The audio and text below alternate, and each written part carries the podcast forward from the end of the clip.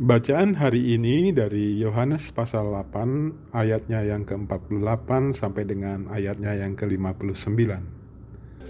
Orang-orang Yahudi menjawab Yesus, Bukankah benar kalau kami katakan bahwa engkau orang Samaria dan kerasukan setan?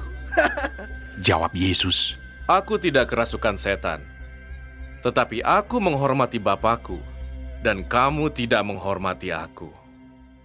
Tetapi aku tidak mencari hormat bagiku. Ada satu yang mencarinya, dan dia juga yang menghakimi. Aku berkata kepadamu, sesungguhnya, barang siapa menuruti firmanku, ia tidak akan mengalami maut sampai selama-lamanya. kata orang-orang Yahudi kepadanya.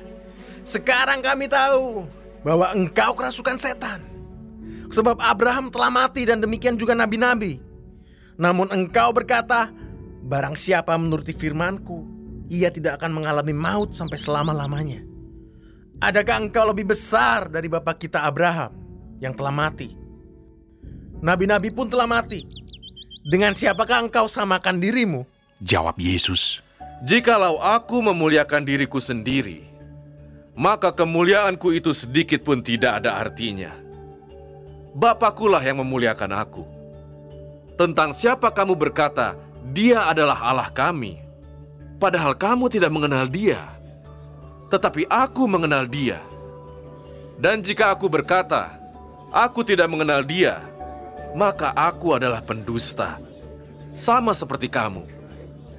Tetapi aku mengenal dia, dan aku menuruti firman-Nya. Abraham bapamu bersuka cita bahwa ia akan melihat hariku, dan ia telah melihatnya, dan ia bersuka cita. Maka kata orang-orang Yahudi itu kepadanya, Umurmu belum sampai 50 tahun. Dan engkau telah melihat Abraham. kata Yesus kepada mereka. Aku berkata kepadamu, sesungguhnya sebelum Abraham jadi, aku telah ada. Lalu mereka mengambil batu untuk melempari dia. Tetapi Yesus menghilang dan meninggalkan bait Allah.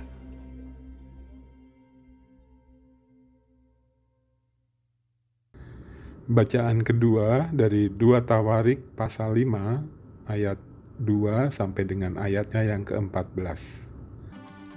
Kemudian Salomo memasukkan barang-barang kudus Daud ayahnya dan menaruh perak, emas, dan barang-barang itu dalam perbendaharaan rumah Allah.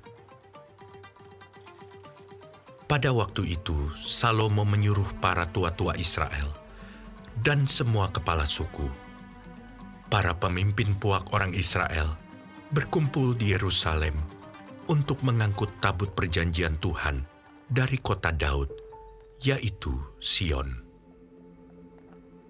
Maka pada hari raya di bulan ketujuh, berkumpullah di hadapan raja semua orang Israel. Setelah semua tua-tua orang Israel datang, maka orang-orang Lewi mengangkat tabut itu. Mereka mengangkat tabut itu dan kemah pertemuan dan segala barang kudus yang ada di dalam kemah itu. Semuanya itu diangkut oleh imam-imam dan orang-orang Lewi.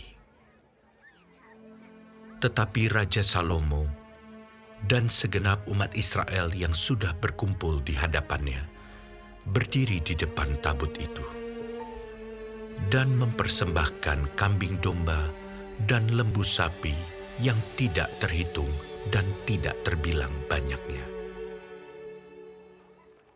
Kemudian imam-imam membawa tabut perjanjian Tuhan itu ke tempatnya. Di ruang belakang rumah itu, di tempat maha kudus, tepat di bawah sayap kerup-kerup. Jadi kerup-kerup itu mengembangkan kedua sayapnya di atas tempat tabut itu. Sehingga kerup-kerup itu menudungi tabut, serta kayu-kayu pengusungnya dari atas. Kayu-kayu pengusung itu demikian panjangnya, sehingga ujungnya kelihatan dari tempat kudus yang di depan ruang belakang itu, tetapi tidak kelihatan dari luar. Dan di situlah tempatnya sampai hari ini. Dalam tabut itu tidak ada apa-apa, selain dari kedua loh yang ditaruh Musa ke dalamnya di Gunung Horeb. Ketika Tuhan mengikat perjanjian dengan orang Israel pada waktu perjalanan mereka keluar dari Mesir. Lalu para imam keluar dari tempat kudus. Para imam yang ada pada waktu itu, semuanya telah menguduskan diri lepas dari giliran rombongan masing-masing. Demikianlah pula para penyanyi orang Lewi semuanya hadir, yakni Asaf, Heman, Yedutun, beserta anak-anak dan saudara-saudaranya. Mereka berdiri di sebelah timur mezbah, berpakaian lenan halus, dan dengan ceracap, gambus, dan kecapinya, bersama-sama 120 imam peniup nafiri. Lalu para peniup nafiri dan para penyanyi itu serentak memperdengarkan paduan suaranya untuk menyanyikan puji-pujian dan syukur kepada Tuhan. Mereka menyaringkan suara dengan nafiri, ceracap, dan alat-alat musik sambil memuji Tuhan dengan ucapan, sebab ia baik.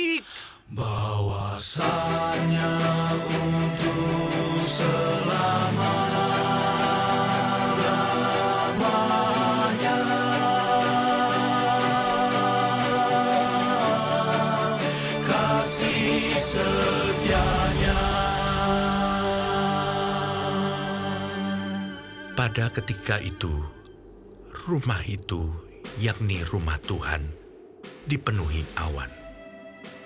Sehingga imam-imam itu tidak tahan berdiri untuk menyelenggarakan kebaktian oleh karena awan itu. Sebab kemuliaan Tuhan memenuhi rumah Allah.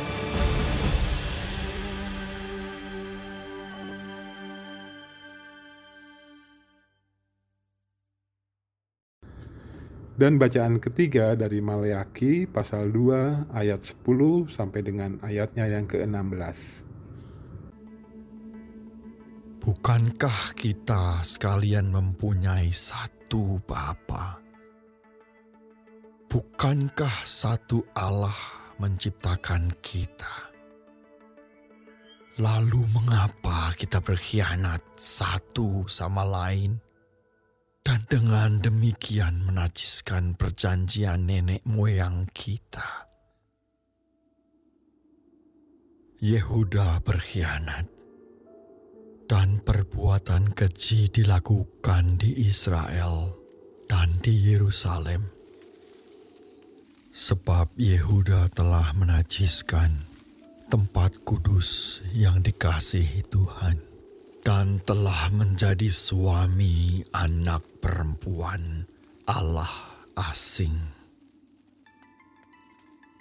Biarlah Tuhan melenyapkan dari kemah-kemah Yakub segenap keturunan orang yang berbuat demikian. Sekalipun ia membawa persembahan kepada Tuhan semesta alam Dan inilah yang kedua yang kamu lakukan.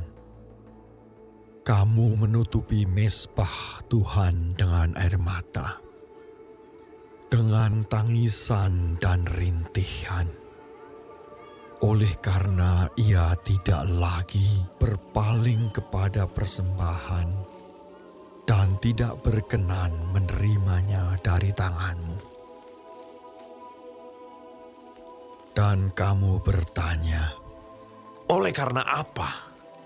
oleh sebab Tuhan telah menjadi saksi antara engkau dan istri masa mudamu, yang kepadanya engkau telah tidak setia, padahal dialah teman sekutumu dan istri seperjanjianmu. Bukankah Allah yang Esa menjadikan mereka daging dan roh.